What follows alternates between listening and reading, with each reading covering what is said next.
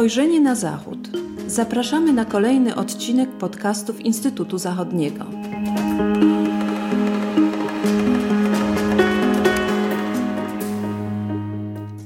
Dzień dobry, z tej strony Tomasz Morozowski. Witam Państwa w kolejnym odcinku podcastów Instytutu Zachodniego. Porozmawiamy dziś o napiętej sytuacji na granicy ukraińsko-rosyjskiej i o groźbie agresji Rosji na Ukrainę, czyli o najpoważniejszym obecnie problemie w sytuacji międzynarodowej. Skupimy się na roli odgrywanej w tym kontekście przez Niemcy. Dla nowego rządu federalnego i kanclerza Olafa Scholza e, konflikt ukraińsko-rosyjski i agresywna polityka Putina stały się bowiem e, największym wyzwaniem u początku kadencji w wymiarze międzynarodowym. Niemieckie władze stanęły przed koniecznością zajęcia stanowiska w tej trudnej sytuacji i ustosunkowania się do wymogów sojuszników europejskich oraz Stanów Zjednoczonych co ujawniło kilka poważnych problemów w polityce zagranicznej Berlina. Związane są one nie tylko z projektem Nord Stream 2 i uzależnieniem Niemiec od rosyjskiego gazu, ale też z rozbieżnościami w samej koalicji rządzącej, złożonej z trzech partii, a szczególnie pomiędzy Urzędem Kanclerskim a Ministerstwem Spraw Zagranicznych. O tym, jak aktualny i kontrowersyjny jest to temat w Niemczech, świadczy bardzo ożywiona debata publiczna w tym państwie i dosyć intensywna krytyka w mediach i formułowana przez ekspertów wobec dotychczasowych działań kanclerza e, Scholza, e, ale też przebieg debaty w Bundestagu na ten temat, która odbyła się 27 stycznia. Nasuwają się zatem pytania o to, jak Niemcy pozycjonują się wobec napiętej sytuacji wokół Ukrainy, jaką rolę odgrywają niemieckie interesy i tradycja podtrzymywania dialogu z Moskwą, na ile niemieckie stanowisko przyczynia się do spójnej i skutecznej reakcji Unii Europejskiej i szerzej świata zachodniego na agresywną politykę Rosji. E, o tym porozmawiam dzisiaj w podcaście z dwójką analityków Instytutu Zachodniego, Patrycją Teper i Wiktorem Sabinokiem. E, zacznijmy od tego, jakimi drogami Niemcy w ogóle angażują się w próby rozwiązywania tej napiętej sytuacji. Wiemy, że w ostatnich tygodniach ma miejsce intensyfikacja kontaktów dyplomatycznych. Liderzy państw europejskich jeżdżą z wizytami e, na Ukrainę, do Kijowa, mają też miejsce liczne rozmowy z przedstawicielami władz rosyjskich. E, I tu pytanie do Patrycji Teper o to, czy aktywność dyplomatyczna minister Berbok, która odwiedziła zarówno Kijów, jak i Moskwę, ale też dotychczasowe działania kanclerza Scholza, e, czy one przyniosły jakieś wymierne efekty w tej sytuacji? E, tak, minister spraw zagranicznych Niemiec e, zdecydowanie postawiła na e, rozwiązanie dyplomatyczne sporu między Rosją a Ukrainą. I w trakcie pierwszego spotkania w Kijowie już samo pojawienie się minister było sygnałem, że Ukraina jest sojusznikiem, o którym nie będzie się rozmawiać bez jego udziału. E, głównym celem tej wizyty było zapewnienie o solidarności Niemiec z Ukrainą oraz e, chęć powrotu do rozmów w formacie normandzkim. No i jak wiadomo, ta druga część się udała, a co do solidarności, to niestety nastąpiły małe zgrzyty w trakcie wizyty i większe już po niej. W trakcie wizyty czy też konferencji prasowej minister Berbok potwierdziła, że Niemcy nie wesprą Ukrainy wysyłając broń, e, z jednej strony ze względów historycznych, a z drugiej z obawy przed eskalacją sporu. E, no i te słowa na pewno wywołały rozczarowanie. Minister Kueba wyraził wprawdzie zrozumienie w trakcie konferencji, e, ale to na pewno był punkt, w stosunku do którego pojawiło się później dużo komentarzy i zwątpienie w solidarność Niemiec z Ukrainą. Nie było też e, jasnej i zdecydowanej deklaracji dotyczącej zatrzymania projektu Nord Stream 2, Y, minister Berbok nie posunęła się wprawdzie do stwierdzenia, że to tylko projekt biznesowy, jak wcześniej robił to Olaf Scholz. Jednak, y, jak wiadomo, nie zdecydowała się także wprost powiedzieć, y, że obecna certyfikacja jest wstrzymana ze względów politycznych. Tylko odniosła się do kwestii prawnych, które blokują uruchomienie gazociągu, Y, no i powiedziała także, że w razie agresji Rosji projekt zostanie wstrzymany. No i później też te, tą wypowiedź, takie wypowiedzi słyszeliśmy właściwie przy wielu okazjach, także, także usłyszeliśmy to samo praktycznie, kiedy Berbok odwiedziła Moskwę, bo odwiedziła Moskwę dzień później. To też jest jakby taki symboliczny gest, że najpierw pojawiła się na Ukrainie. E, no i w Rosji spotkała się z doświadczonym i też znanym niekiedy z ostrych wypowiedzi dyplomatą, czyli e, Siergiejem Ławrowem. No i też przed wizytą to było komentowane w niemieckich mediach, że może być, że może być zgrzyt, że może być widoczna różnica w obyciu i doświadczeniu dla takich rozmów. Mm, tak nie do końca się stało. Berbok dobrze wypadła. Jednak też trudno do końca określić, czy ta wizyta faktycznie przyniosła wymierne efekty. E, na pewno udało się doprowadzić e, do rozmów e, w formacie normandzkim. Natomiast minister Berbok, według komentarzy z rosyjskich mediów, wróciła do Berlina z pustymi rękami. I to, co tutaj w niemieckich mediach zostało uznane za sukces, to w Rosji jest raczej traktowane jako nieumiejętność odczytywania niedopowiedzianych sygnałów. Na przykład e, wspomniana już kwestia rozmów e, w formacie normandzkim. Tu Ławrow dał do zrozumienia, że nie widzi ich sensu, jeśli nie będzie zmian w podejściu e, Kijowa do postanowień mińskich i ich wypełniania. To znaczy, że Ławrow właściwie nie przywiązuje takiej dużej wagi do tych rozmów. One mogą się odbyć, ale nie oznacza to ustępstw ze strony Rosji. E, mówił również w negatywnym kontekście o upolitycznieniu Nord Stream 2, e, a także o podwójnych standardach, jakie obowiązują w ocenie działań Rosji i NATO, i tutaj oczywiście ze szkodą dla Rosji. E, Ławrow także nie chce, żeby Rosja była pokazywana jako agresor w tym sporze. To również wybrzmiało w trakcie spotkania. Berbok natomiast udało się przekazać e, linię, linię przyjętą przez e, rząd koalicyjny i sojuszników e, w Unii czy też w NATO, dotyczącą jednoznacznej interpretacji gromadzenia się wojsk przy granicy z Ukrainą jako groźby użycia siły. Udało też jej się wspomnieć o wartościach, prawach człowieka jednak e, tutaj jakby chyba nie było nikogo marzeniem, że te rozmowy przyniosą jakiś wielki przełom, e, ale wydaje mi się, że zostały otwarte kanały komunikacji e, i że, i że to jest na pewno pozytywny, pozytywny efekt jej działalności dyplomatycznej w ostatnim czasie. Patrycja wspomniała o inicjatywie rozmów w ramach formatu normandzkiego, za którą opowiadała się tutaj strona niemiecka. Może pytanie do Ciebie o to, jak, jak strona ukraińska postrzega to zaangażowanie, czy te próby zaangażowania Niemiec w deeskalację sytuacji na granicy z Rosją. Czy te próby oceniane są ze strony Ukrainy pozytywnie? No, wiemy tutaj o tej kontrowersyjnej kwestii e, odmowy dostaw broni e, z Niemiec na Ukrainę. Powiedz może trochę właśnie na temat tego, jak postrzega to strona ukraińska. Trzeba najpierw e, powiedzieć, że strona ukraińska dostrzega rolę Niemiec i rolę Francji jako takich państw pośredników w ramach e, formatu normandzkiego, e, ponieważ pośredniczył w rozmowach pomiędzy stronami konfliktu, pomiędzy Federacją Rosyjską a Ukrainą i właśnie dostrzega znaczenie Niemiec w ramach tych rozmów. E, jednocześnie mamy teraz e, do czynienia z taką aspiracją strony ukraińskiej do tego, by w jakiś sposób e, nadać nową jakość tym rozmowom w formacie normandzkim i po prostu wznowić te rozmowy, ponieważ jak dostrzegliśmy, że od grudnia 2019 roku, gdy cztery przywódcy państw e, i rządów e, spotkali się w Paryżu.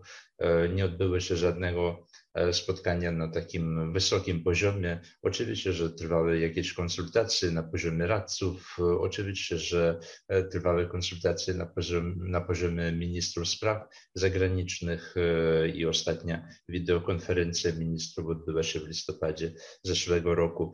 Jednak strony ukraińskiej, to według strony ukraińskiej nie wydaje się to wystarczającym. I ambicją czy aspiracją pana Zelenskiego, obecnego prezydenta Ukrainy, jest e, właśnie szczyt e, e, na poziomie prezydentów i, i kanclerza niemieckiego. I w tym kierunku chyba dyplomacja ukraińska próbuje też działać i obecnie właśnie nie trzeba wykluczać też tego, że mm, strona ukraińska zainteresowana jest tym, E, między innymi dlatego, by budować e, kampanię wyborczą pana Zelenskiego, ponieważ e, pan Zelenski przyszedł w 2019 roku na urząd prezydenta Ukrainy z, zapowiadając progres w uregulowaniu konfliktu na wschodzie Ukrainy i w tym, że właśnie zagwarantuje pokój E, w tych e, konfliktnych regionach. E, póki co jeszcze nie udało się tą obiecankę zrealizować, no i właśnie teraz i pan, zarówno pan Zelenski, jak i władze Ukrainy próbują jakiegoś progresu w tych kwestiach zagwarantować. No i w kwestiach broni to mamy do czynienia też z taką raczej e, kontrowersyjną sytuacją, ponieważ z jednej strony strona ukraińska oczywiście, że dostrzega znaczenie Niemiec jako partnera handlowego, oczywiście, że dostrzega znaczenie Niemiec w formacie normandzkim, oczywiście, że dostrzega znaczenie Niemiec jako dostawca pomocy humanitarnej, e, między innymi i do już zwolnionych obszarów Donbasu i w ogóle e, takiego aktora podtrzymującego Ukrainę i reformy w tym państwie, ale z innej strony też e, woli, by strona niemiecka działała, e, robiła więcej dla, dla wzmocnienia obronności państwa ukraińskiego. Oczywiście, że tutaj mamy do czynienia z taką raczej zasadniczą świętopoglądową różnicą zdań, ponieważ e, strona ukraińska oczywiście, że ze względu na tą koncentrację rosyjskich, e, rosyjskiego wojska e, w pobliżu od własnej granicy jest skoncentrowana na kwestiach obronności, natomiast strona niemiecka koncentruje się bardziej, bardziej na wzmocnieniu państwa ukraińskiego jako takiego i jest, jest zainteresowana w reformach na Ukrainie i właśnie rząd niemiecki na tym ten temat e, nagłośnia konsekwentnie. E, I na tym polega ta różnica zdań. Myślę, że e, w tych kwestiach związanych z bronią strona ukraińska używa bardzo drastycznej retoryki, którą nie należałoby używać odnośnie strony niemieckiej. No właśnie, więc widzimy, że E, po pierwsze, mamy tutaj do czynienia z różnicami, jeżeli chodzi o oczekiwania Ukrainy, a dotychczasowe działania Niemiec. E, po drugie, ten ciekawy aspekt, o którym powiedziałeś, też uwarunkowań politycznych e, wewnątrz państw, i to nie tylko w Niemczech, ale też, jak wspomniałeś, na samej Ukrainie, jeżeli chodzi o osobę prezydenta Zeleńskiego. Pytanie może teraz do, do Patrycji o konkretną reakcję Niemiec. Jaka by ona mogła być, jeżeli chodzi o, o sankcje? Czy byłyby to sankcje E, czysto gospodarcze i, i, i ewentualnie co by miało to oznaczać. No oczywiście tutaj cały czas ten znak zapytania dotyczy Nord Stream 2 i tego, czy e, władze niemieckie byłyby gotowe e, wstrzymać uruchomienie tego gotowego już gazociągu w ramach sankcji wobec Rosji w przypadku eskalacji sytuacji, tak, w przypadku agresji Rosji na Ukrainę. Jak Twoim zdaniem można przewidywać tutaj, jaką reakcję władz, władz niemieckich? E, no, lista sankcji, w ogóle sankcje na pewno będą skoordynowane z sojusznikami, z naszymi partnerami i ta lista, ona nie jest jawna. Na pewno są dyskusje na jej, na jej temat, natomiast nie została ona opublikowana. E, natomiast rząd niemiecki nie wyklucza żadnej opcji, jeżeli chodzi o sankcje. Takie jest oficjalne stanowisko. E, I często to jest bardzo powtarzane, że wszystkie możliwości są czy też leżą na stole. E, także, także tutaj w, mówimy o SWIFT, czy też e, sankcjami związanymi z Nord Stream 2. One nie zostały oficjalnie w żaden sposób wykluczone przez rząd niemiecki. Minister Baerbock e, mówiła w czasie debaty w Bundestagu o tym, że tak jak w drużynie piłkarskiej są różne ro role, tak samo wśród krajów Unii i Sojuszu też są różne zdania. No i w ten sposób starała się pokazać że działania Niemiec w Unii są prowadzone w duchu solidarności z Ukrainą, chociaż mogą się różnić od działań, które podejmują y, inne, inne kraje po prostu, czy to sojuszu, czy też w Unii. Jej kolega partyjny, również w trakcie debaty w Bundestagu, Wagener, też apelował, żeby dobrać odpowiednio sankcje, tak aby one nie szkodziły zwykłym ludziom, ale Kremlowi. Dlatego też tutaj jest tyle, tyle dyskusji, żeby po prostu sankcje były dobrze skrojone tak, żeby, żeby właśnie nie, nie mm, cierpieli na nich zwykli ludzie. E, jeżeli chodzi o SWIFT e, i wyłączenie Rosji z tego systemu, no to e, swego czasu wypowiedział się na ten temat Merz, czyli nowy przewodniczący CDU, mówiąc, że to jest taka opcja atomowa. I teraz również w trakcie, w trakcie debaty w Bundestagu odniósł się do tego tematu, trochę po prostu próbował się usprawiedliwić, o co mu chodziło. Chodziło mu o to, że ta opcja ma bardzo destrukcyjne skutki także dla gospodarki niemieckiej, ale ona nie została w żaden sposób wykluczona. No i SPD też oficjalnie w trakcie debaty mówi o tym, że wszystkie opcje, wszystkie sankcje e, są dostępne i nie wyklucza się żadnej opcji. E, najbardziej prorosyjsko wypowiadało się jednak w tej kwestii, wypowiadała się w tej kwestii alternatywa dla Niemiec i oni uznali, że e, beneficjentem jakby sankcji jest, e, są USA, jest USA. I jeżeli e, tutaj chodzi o odcięcie od systemu SWIFT, czy też konieczność zakupu od nich przez Europejczyków drugiego gazu LNG, no to wszystko działa według AfD na korzyść Amerykanów.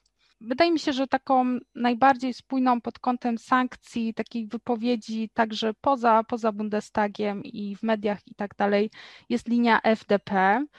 Oni uważają, że sankcje po prostu muszą być, żebyśmy byli brani na poważnie przez Rosję.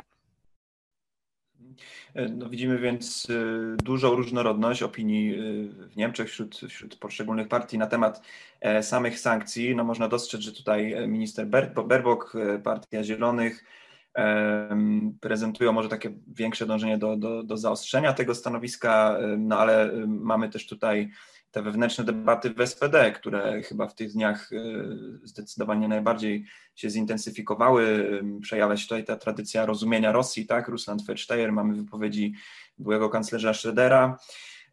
No i na tym tle dosyć chyba można powiedzieć niewyraźną czy nieokreśloną na razie e, pozycję kanclerza e, Scholza. E, kontrastuje to szczególnie też z działaniami byłej kanclerz Angeli Merkel, która w trakcie poprzedniej eskalacji tego sporu rosyjsko-ukraińskiego jednak podejmowała bardziej zdecydowane kroki, tak, które chociażby przyczyniły się do, wówczas do ustanowienia unijnych sankcji E, na Rosję w wyniku e, aneksji Krymu. Pytanie do Ciebie, e, Wiktorze, jak Ty oceniasz te różnice w tym niemieckim krajobrazie partyjnym pomiędzy poszczególnymi partiami w takim generalnym postrzeganiu kształtowania polityki z Rosją, tak? czyli tego dialogu, odstraszania. Jak, jak oceniasz ten obecny stan debat na ten temat w Niemczech? Myślę, że jeszcze podczas e, kampanii wyborczej e, takie partie szeroko rozumianego centrum, czyli e, chadecy, socjaldemokraci, wolni demokraci, czyli FDP i Zieloni, przejęli mniej więcej jednolite stanowisko odnośnie tego, w jaki sposób należy postrzegać rosyjską agresję przeciw Ukrainy i nalegali na tym, że sankcje mają być przedłużane E, I oczywiście, że na przykład aneksja Krymu stanowi naruszenie zasad prawa międzynarodowego, a Niemcy mają nadal się angażować w rozmowy w ramach formatu normandzkiego. I oczywiście, że e, te sankcje, które zostały wprowadzone przeciw Federacji Rosyjskiej w związku z eskalacją na wschodzie Ukrainy, mają też być związane z progresem w implementacji porozumień mińskich. I to możemy dostrzec w e, tych e, programach wyborczych tych partii. Oczywiście, że e, pewna różnica zdań była na ten temat. Na przykład zarówno Zieloni, jak i Wolni Demokraci, czyli FDP, nie wykluczali zaostrzenia sankcji w przypadku, gdy Rosja właśnie będzie dążyła do dalszej eskalacji E, zarówno na Donbasie, jak i na granicy rosyjsko-ukraińskiej. I wreszcie mamy do czynienia dokładnie z tą sytuacją, gdy w ramach tej e, trypartyjnej koalicji e, toczy się debata na temat tego, w jaki sposób ma być postrzegana dzisiejsza możliwa eskalacja między Rosją a Ukrainą i czy ma taka eskalacja pociągnąć za sobą E, sankcji przeciw e, Federacji Rosyjskiej i oczywiście, że jest zasadnicza różnica zdań pomiędzy e, partiami. W tym przypadku chodzi oczywiście o różnicę między socjaldemokratami a ich partnerami po koalicji odnośnie kwestii Nord Stream 2, ponieważ zarówno wolni demokraci, jak i zieloni wypowiadają się za tym, by właśnie ten projekt e, nie został zakończony i e, oczywiście, że e, ten rurociąg nie został uruchomiony, a w ławach SPD nie mamy do czynienia z taką jednolitą pozycją na ten temat. 31 stycznia odbyło się takie robocze spotkanie w domu Williego Brandta, czyli w centrali niemieckich socjaldemokratów takich czołowych przywódców e, różnych e, partyjnych grup w ramach SPD z współprzewodniczącym tej partii Larsen Klingweilen. Był tam między innymi i sekretarz generalny nowo wybrany Kevin Kühnert, który wypowiadał się na przykład pozytywnie o Nord Stream 2 wcześniej. I właśnie po tym spotkaniu Klingbeil w swoim komentarzu dla mediów niemieckich ogłosił, że e, stanowisko Niemiec e, pozostaje, e, czy, czy stanowisko Partii Socjaldemokratów pozostaje takim samym, tutaj cytuję, jako, jakim jest stanowisko kanclerza Scholza. W tych kwestiach i oczywiście, że też wykluczył dostawę jakichkolwiek e, broni na, e, na Ukrainę, chociaż oczywiście, że powiedział o swojej niezgodzie z, ze stanowiskiem byłego kanclerza Gerharda Schrödera i zapowiedział, że oczywiście o żadnej potyczce na szable, o której mówił Schröder, teraz nie chodzi, a chodzi o tym, że Rosja zagraża bezpieczeństwu strony ukraińskiej. Widzimy więc y, te różnice nie tylko pomiędzy partiami, ale nawet wewnątrz teraz najważniejszej niemieckiej partii y, kierującej rządem, czyli, czyli SPD. E, oczywiście te różnice nie są nowe, to są debaty toczące się e, w Niemczech już od wielu lat, ale y, w obecnym kontekście e, wychodzące na, na światło dzienne. Oczywiście trudno jest przewidywać scenariusze, bo, bo sytuacja jest, jest niepewna i, i obserwujemy ją wszyscy z dużym niepokojem, ale postarajmy się podsumować, e, może odpowiadając na, na takie e, końcowe pytania o to, czy, czy możemy w takim razie mówić o zbyt ostrożnej polityce Niemiec w obecnej sytuacji. Czy nowy rząd ma w ogóle jakieś jasno określone czerwone linie, tak? czyli jakieś, mm, jakieś określone elementy, przy których zaistnieniu będzie konkretna, ostrzejsza reakcja ze strony władz niemieckich? E, konkretnie mówiąc w przypadku agresji Rosji na, na Ukrainę, e, czy też czy interesy gospodarcze i ta chęć dialogu z Rosją, a także rozbieżności w ramach koalicji raczej ograniczają tutaj pole, pole działania Niemiec w reagowaniu na politykę e, Putina. I wreszcie, czy, czy, czy, czy taka polityka niemiecka przyczynia się w ogóle do jakiejś spójnej reakcji Unii Europejskiej i, i szerzej świata zachodniego? Poprosiłbym Was o takie podsumowujące wypowiedzi. Patrycja Teper. Może zacznę od e, powiązań gospodarczych i lobbystów, też nawiązując e, do tego, co, o czym e, mówił Wiktor, czyli o SPD i stanowisko SPD. W ostatnim tygodniu widzimy wysyp informacji o tak naprawdę kolejnych powiązaniach oraz interesach, jakie łączą na przykład polityków SPD z Gazpromem, Nord Stream 2 czy Rosnefem, ale nie tylko. E, szerokim echem w prasie odbiła się e, również wspomniana wypowiedź e, Schrödera w jego podcaście The Agenda, gdzie użył sformułowania też, też już poniekąd słynnego, że Ukraina wymachuje szabelką. Ale nie tylko to było kontrowersyjne. Schröder zajmuje czołowe pozycje w spółce Nord Stream 2, Rosneft, no i nadal jako były kanclerz przysługuje mu biuro w Bundestagu. E, pojawiły się głosy też, że nie powinno, że nie powinno oczywiście tak być, natomiast nie było jeszcze jakichś zdecydowanych e, reakcji w tej sprawie. W Mecklenburgii, Pomorzu Przednim mamy natomiast do czynienia, można powiedzieć, ze skandalem, ponieważ premier Manuela Schwesig z SPD niby też przy okazji spotkała się ze Schroederem w Berlinie w 2018 roku, kiedy USA nakładało nowe sankcje na Rosję. E, I to nie było jedyne ich spotkanie w niejasnym celu, i oczywiście nigdzie to spotkanie nie było protokołowane. E, no i Manuela Szwezik jest znaną obrończynią Nord Stream 2.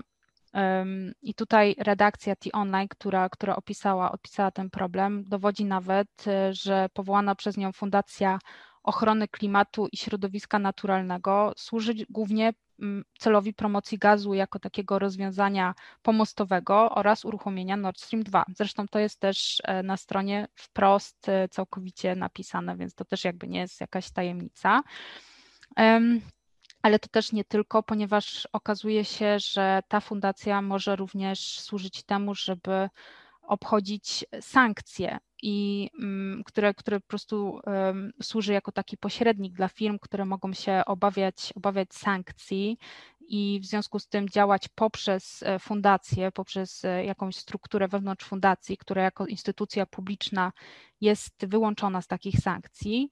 E, no i tutaj e, ta fundacja jest również finansowana przez Gazprom. Mm, dostała dotację 20 milionów euro, więc to jest też na pewno istotny czynnik, e, o którym należy pamiętać, jeżeli chodzi o takie powiązania gospodarcze niemiecko-rosyjskie, które mogą mieć bardzo duży wpływ, jeżeli chodzi o kształt polityki Niemiec. Mhm. Wiktorze, Twoje podsumowanie, Twoje prognozy?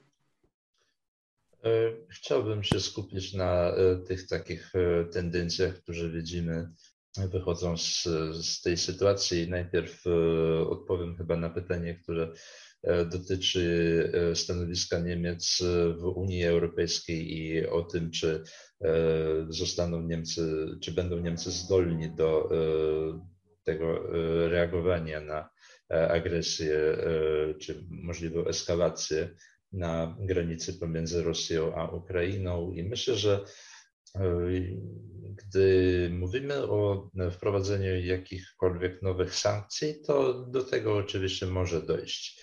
E, na tym poziomie i chyba reakcja e, też będzie, ponieważ e, mniej więcej pomiędzy partiami koalicji rządzącej mamy do czynienia z konsensusem w tej kwestii.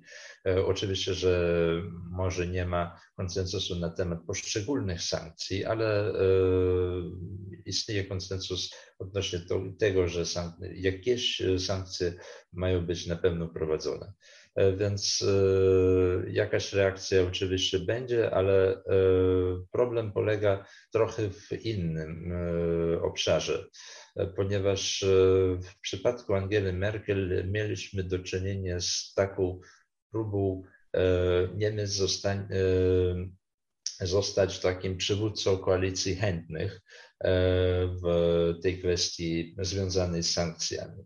I właśnie e, od tego, że e, Niemcy stworzyli tą koalicję chętnych i ta koalicja chętnych e, dodała się jeszcze do takich, no można powiedzieć, że przyrodnych sojuszników Ukrainy, czyli krajów bałtyckich, krajów centralnoeuropejskich, takich jak Polska, które oczywiście, że podtrzymują sankcje przeciw Federacji Rosyjskiej to, e, I to właśnie było takim decydującym faktorem e, wobec tego, że te sankcje swego czasu w 2014 roku przeszły e, i pozostają też aktualne do dzisiaj.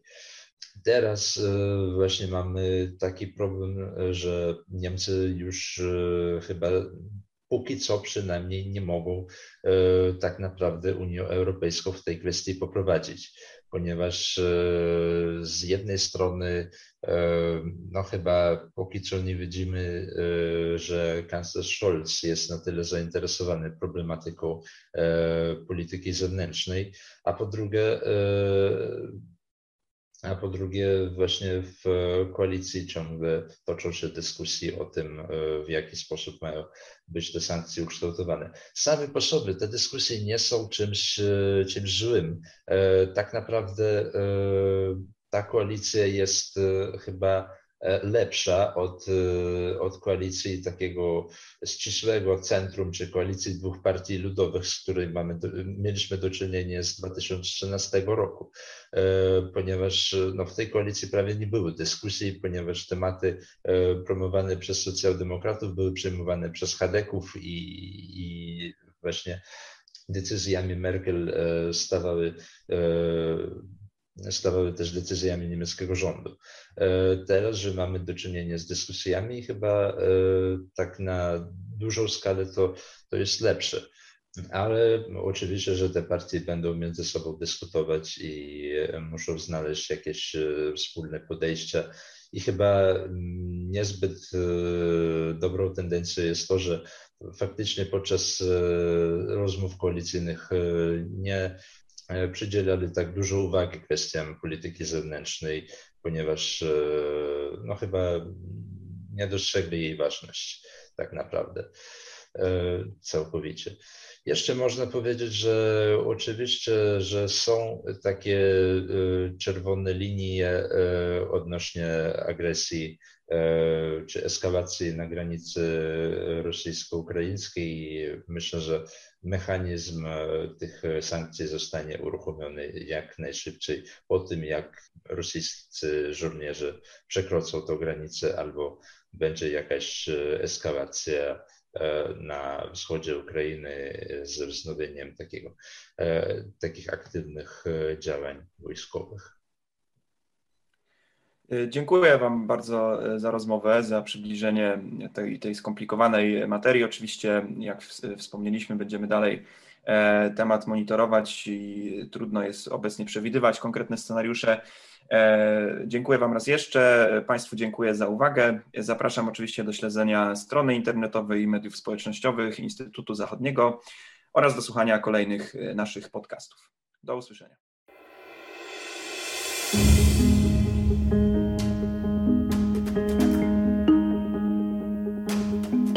Spojrzenie na Zachód. Podcasty Instytutu Zachodniego. Podcasty Instytutu Zachodniego dostępne są na platformach Spotify, SoundCloud i Apple Podcasts oraz na portalu YouTube. Zapraszamy do subskrypcji. Dzięki niej będą Państwo na bieżąco z wszystkimi naszymi nagraniami. Do usłyszenia.